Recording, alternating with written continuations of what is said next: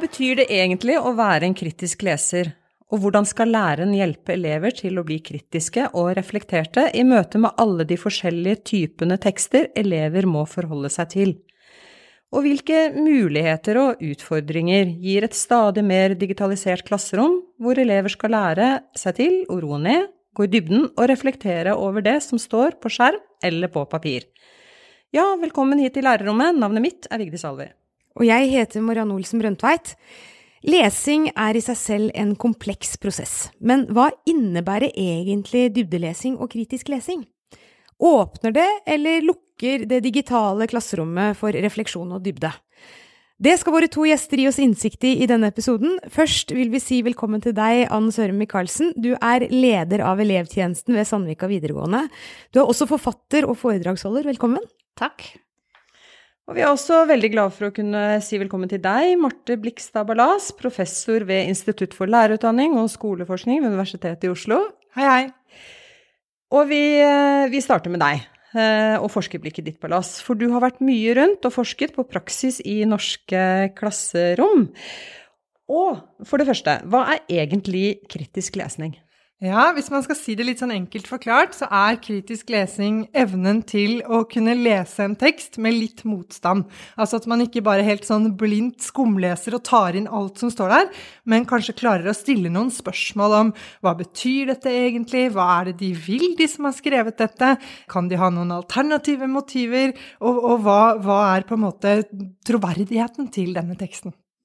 Men går det an å beskrive en utvikling, om det har vært en utvikling da, som har foregått blant elever og lærere de siste årene på dette feltet? Ja, vi har blitt mer og mer opptatt av kritisk lesing, og noe av grunnen til det er jo at vi er i et veldig sånn digitalisert eh, samfunn hvor det er veldig mange tekster hele tiden som vi må forholde oss til.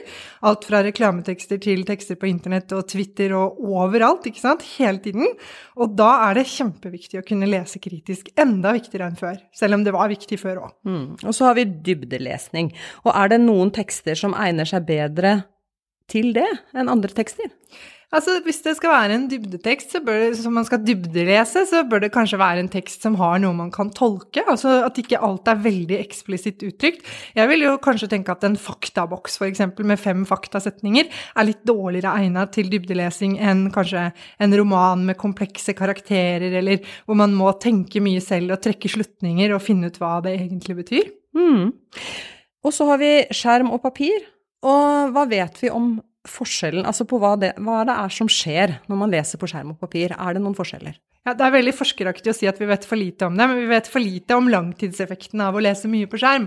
Men det man har funnet, det er en del studier som viser at de som leser veldig mye kort korte tekster på skjerm med stadige avbrudd, de syns det er vanskeligere å konsentrere seg lenge av gangen eh, hvis de skal lese en veldig lang tekst.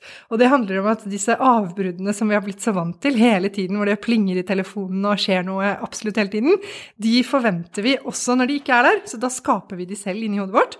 Så hvis vi er vant til at det skjer noe sånn hvert femte minutt, og vi tar med oss en bok på hytta og sitter der og leser uten mobil, så kommer vi selv til å bli rastløse mye fortere hvis vi har lest veldig mye mye på skjerm. Det er jo spennende. Ja, men vil du si det sånn at pga. disse avbruddene da, som vi alle har vent oss til, står vi i fare for å miste evnen til dybdelesning? Det hadde jo vært fryktelig synd, så jeg syns jo et viktig spørsmål eh, vil være hva kan vi gjøre i klasserommene våre også for å få til at alle fortsatt kan lese eh, mye, det, også romaner f.eks., enten på Kindle eller et eller annet annet. Så er det jo heldigvis også sånn at det er de samme som leser veldig mye på, på skjerm, som også leser mye tradisjonelt. Så det er ikke sånn to ulike grupper som ikke snakker sammen. Ja, hva kan vi gjøre? Uh, Michaelsen, uh, hvordan hjelper du elevene dine i ditt klasserom til å bruke tid nok og kunne gå nok i dybden, som Ballas beskriver her innledningsvis? Ja, først så vil jeg gjerne skyte inn når det gjelder det med lesing av papir og, og på skjermer, fordi vi har uh, brukt mye digitale læremidler på Sandvika, og vi har hatt en spørreundersøkelse blant elever, og, og svaret er ikke overraskende. Elever liker alt mulig. Altså det er ikke noe sånn, for det har vært mye diskusjoner om at eh, de eldre vil ha på papir, og de yngre vil ha dit. Men det, det kommer litt an på hva som er uh, tema, hvordan man jobber, hva man skal gjøre. Så jeg tenker her er det veldig viktig at man snakker med elevene, og lar de få valgfrihet der også. At det ikke er en sånn pendel svinger alle skal det, eller alle skal det. Så, så er det jo om å gjøre da i klasserommet å lage relevante oppgaver som gir rom for undring og utforskningstrang og alle de tingene som også står nå i den nye læreplanen som uh, fagfornyelsen legger veldig stor vekt på. Så vi må vekk da fra de lærebøkene og faktasetningene som Marte snakket om, til at det er elevene som stiller spørsmålene selv og undrer seg, og jobber mot et felles mål med læreren som veileder og hjelper i det, selvfølgelig. Men hvordan opplever du elevenes evne da, til å reflektere og undre, og også være kritiske? Er du, er du bekymra, som uh, noen Nei. forskere sier at de er? Nei, jeg er ikke bekymret i det hele tatt. Uh, jeg er verken bekymret for elevene, og jeg er ikke bekymret for lærerens rolle, for jo mer vi jobber på den måten her, jo viktigere blir læreren. Så, og jo morsommere er det å være lærer faktisk også, i den, uh, i den der. Vi vi var intervjuet på Østlandssendingen, klassen min, om fake news, for vi lagde noen oppgaver hvor vi lagde falske nyheter, og de syntes det var en litt morsom måte å gjøre det på. Hvor eh, NRK prøvde å lure elevene mine til å legge ut falske nyheter. Det ville de ikke. Ikke, ikke, i det hele tatt. De mente at jeg kunne gjøre det, da, ja. uh, men de vil ikke det. Så jeg tenker at elever vet ganske mye om det der. De vil ikke stille seg i den situasjonen som det ville vært å gjort noe sånt. Men hvordan synes du det digitale klasserommet egner seg da til dybde og refleksjon, hvor en analog tilnærming kanskje ville komme til kort? Hvilke muligheter har du nå som lærer som du ikke hadde tidligere? Ja, altså Hvis jeg kan få lov til å komme med min litt personlige tolking av dybdelæring, så vil jeg gjerne gå til Michael Fulham og hans uh, six C's, eller jeg husker ikke hvor mange det er, men det med å løfte det opp på et høyere nivå eh, i en samarbeid og problemløsning med andre. Sånn at dybdelæring for meg er ikke bare å dypdykke inn i et tema, men det er å jobbe med andre. Så for eksempel uh, noe vi har jobbet med hos oss, det er at vi tar kontakt med land gjennom Skype. Jeg hadde et prosjekt med Israel, India og Australia og oss, hvor alle elevene undre seg over det med klimaendring, og hva var man opptatt av i de forskjellige landene, og så legger man det ut på bloggen sin og deler det med andre. Det kunne du ikke gjøre før. Altså, det var helt umulig før, og jeg tenker at det, fagfornyelsen, det er helt umulig å oppnå målene i den uten å bruke det digitale klasserommet. Og, men det digitale klasserommet er, er, er um, kommunikasjon. Det er ikke bare å sitte på en PC og knotre og holde på med noe. Det er å snakke med andre og lære andre kulturer og alle de spennende tingene der. Ballas, vi skal litt tilbake til eh, lesingen. Og hvorfor er det slik, eller er det ikke slik, at vi i langt større grad forholder oss kritisk og tolkende til skjønnlitteratur enn det vi gjør til faglitteratur og sagprosa? Det er jo det, er et, det var et stort spørsmål, men eh, det handler jo litt om at vi har brukt eh, disse to teksttypene, hvis vi kan kalle det, saktekster og skjønnlitteratur, veldig ulikt i skolen. Så det har vært lang tradisjon for at skjønnlitteraturen må tolkes. Og så er det kun i senere tid at vi har med Kunnskapsløftet sidestilt sakprosatekster og skjønnlitteratur, og sagt at dette skal være like viktige og ca. likt i omfang i skolen. Men så vet vi fra en del studier at vi bruker saktekstene sånn som vi gjorde gjorde før, altså at de skal formidle informasjonen. Og da er jo informasjonen det viktigste, og så ligger den på en måte begravd i teksten. Mens med skjønnlitteratur så er det jo teksten som er det overordna. Så vi forholder oss jo litt ulikt til det, da, og jeg tror noe av svaret ligger der. Men eh, det har jo kommet stadig mer push på at vi også med saktekstene skal tolke de, og retorisk analyse f.eks., som veldig mange norsklærere driver mye med, det er jo også en måte å tolke tekstene på. Og så har vi skjerm og papir. Og noen studier viser jo at det å lese på skjerm kan ha negativ betydning for leseforståelsen av lengre sammenhengende tekster. Altså at vi husker mer av tekster når vi leser dem på papir, enn når vi får dem på en skjerm. Men andre studier igjen viser at det ikke er noen forskjell. Og hvordan skal så lærere da forholde seg til forskningen på dette feltet? Ja, Det er jo dette som er kjempevanskelig med forskning. at det, Du kan på en måte finne forskning som peker i den ene retningen eller den andre.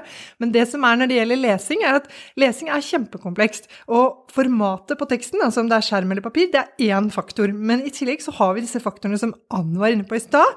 Når hun sier at det handler om interesse og mening og sånne ting. Og det vet vi også har stor, stor betydning. Så for å sette det veldig på spissen, da, så kan vi si at eh, hvis du er en elev som er kjempeopptatt av sport, og så får du en veldig spennende tekst om tennis som du har kjempelyst til å lese, på skjerm, så vil det være lettere for deg å holde konsentrasjonen enn hvis du får en tekst om strikkeoppskrifter fra 70-tallet eh, på papir. ikke sant? Sånn at interessen din og engasjementet ditt og oppgaven du får av læreren, vil ha masse å si.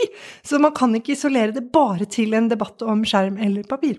Men vil det ha mer å si enn skjerm og papir? Interessen og lysten din til å lese det du får? Åh, det er, dette er, med lesing er det fryktelig vanskelig å isolere faktorene. Altså, det er det veldig mange som har prøvd å gjøre, men, men det er riktig det du sier. Altså, det, jeg vil nok si at den største, mest overbevisende forskningen jeg har sett, sier noe om at det er vanskeligere å holde konsentrasjonen lenge eh, digitalt hvis innholdet er likt. Mm. Karlsen, er dette en diskusjon dere ofte har på lærerværelset? Altså, hvordan det står til med elevenes utholdenhet med lengre tekster og medier som skal brukes? Det er nok det, men jeg har jo mer lyst til å si at uh, det har jeg gjort flere ganger i mitt eget klasserom. Hvis du har 30 elever og skal gå gjennom et tema, man skal lese noen tekster, da er det jo veldig spennende å gjøre forskningen i eget klasserom da, med elevene. ikke sant? Du deler klassen kanskje i tre, de leser det der, de leser det der, de leser det der, og så snakker man og diskuterer etterpå hva sitter man igjen med. Hva er, uh, hva er smart her, ikke sant? Det kan man samskrive, man kan jobbe sammen. Og så har du jo Powerpoint-presentasjoner av lærere, er det sånn elevene lærer? Så det er jo veldig komplisert. Dette er et komplekst spørsmål. Så det er ikke fasit, et fasitsvar på det.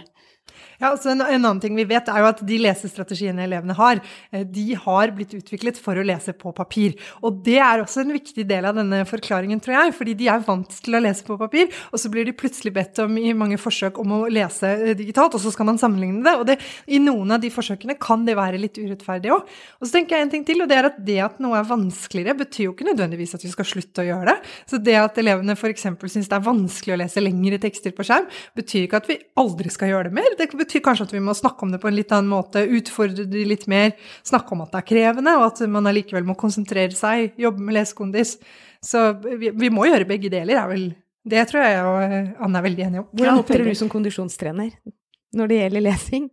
Ja, altså jeg, jeg, må si det at når vi leser engelske bøker i klasserommet, så, så lager jeg en sånn fri eh, halvtime. Vi har jo faglaget på Sandvika, så vi har god tid, og da er det ned med alle mulige telefoner og PC-er, og så opp med boken, og så sitte stille og rolig og lese. Og hjelpe elevene til å komme i gang med boken. Det har jeg funnet at det er en veldig smart måte å starte lesing. Men hvorfor blir denne debatten ofte en sånn grøftediskusjon, hvis du kan bruke den beskrivelsen, som blir sånn en enten-eller? Altså hvorvidt man er teknologioptimist eller en teknologipessimist. Hvorfor havner vi så lett der? Jeg, vet, jeg tror det er fordi når, når ting er nytt, jeg. Ja. At uh, så når teknologien var ny, så var det sånn å, men de som leser bøker, de er klokere enn de som leser på PC. Det var jo sånn med videoer, for eksempel. Det var helt forferdelig. Nå ingen som sier det om Netflix. Altså, det, ting endrer seg jo. Så jeg tror egentlig det er bare veldig lett å gå i den fellen med for eller imot. Og det er jo aldri det som har vært spørsmålet her i det hele tatt. Det er jo ja takk, det som pedagogisk virker best på det vi skal jobbe med nå. Det er du har vært involvert i en diskusjon mye. Hva, hva mm. tror du? Jeg tror det handler om det. så Jeg er helt enig i at når det kommer ny teknologi, så reagerer vi veldig. Og så tror jeg det handler om noe så enkelt som at for veldig mange av oss så gjelder dette barna våre. Og det gjelder skolen vår, og det er ting vi er veldig opptatt av, og vi vil at det skal gå bra. Så jeg tror jo at både teknologioptimistene og teknologipessimistene vil det samme. De vil ha best mulig skole. Eh, og det er en veldig god ambisjon.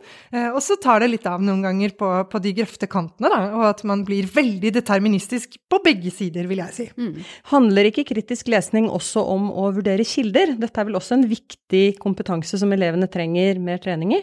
Jo, absolutt. Det handler i veldig stor grad om å kunne lese kilder. Og da tenker jeg både én og én kilde, altså at du får én potensiell kilde til en skoleoppgave, og så klarer du å vurdere den. Men også det med motstridende kilder på samme tema. Eh, og det, det, det, tror jeg mange av fagene kommer til å jobbe mye med framover. Hvis man tar dette med dybdelæring på alvor, og utforsking, ikke minst. For det, det, er, er, jo en del av fagfornyelsen, det òg, at vi skal utforske i mange av kompetansemålene.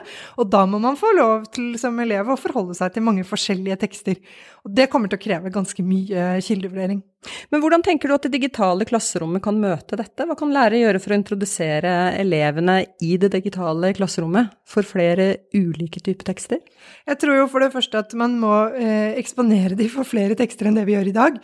Fordi veldig mange lærere gir kanskje én fremstilling, spesielt hvis det er saktekster, én fremstilling av et emne. Og da blir det på en måte fasiten. Så jeg tror jo at man må legge opp undervisningen, hvis målet er utforsking av tekst, at man må legge opp litt annerledes, bruke litt mer tid, og også la elevene finne konkurrerende fremstillinger og gå ordentlig dypt inn i de. Jeg synes jo, det syns jeg jo er veldig spennende på en måte med skolen, at det er et veldig sånn begrensa eh, tekstmangfold der. I virkeligheten for øvrig så er det mye hardere og mye mer polarisert debatt om nesten alle temaer, mens i skolen så er det ganske sånn pent og pyntelig, og hvis det er debatt, så er den ofte ryddet på forhånd. At læreboka sier 'disse mener det', og de andre mener sånn, og i midten så mener de sånn. Og det er noe ganske annet da, enn hvis du tar deg en liten svipptur innom et uh, helt vanlig internettforum, f.eks.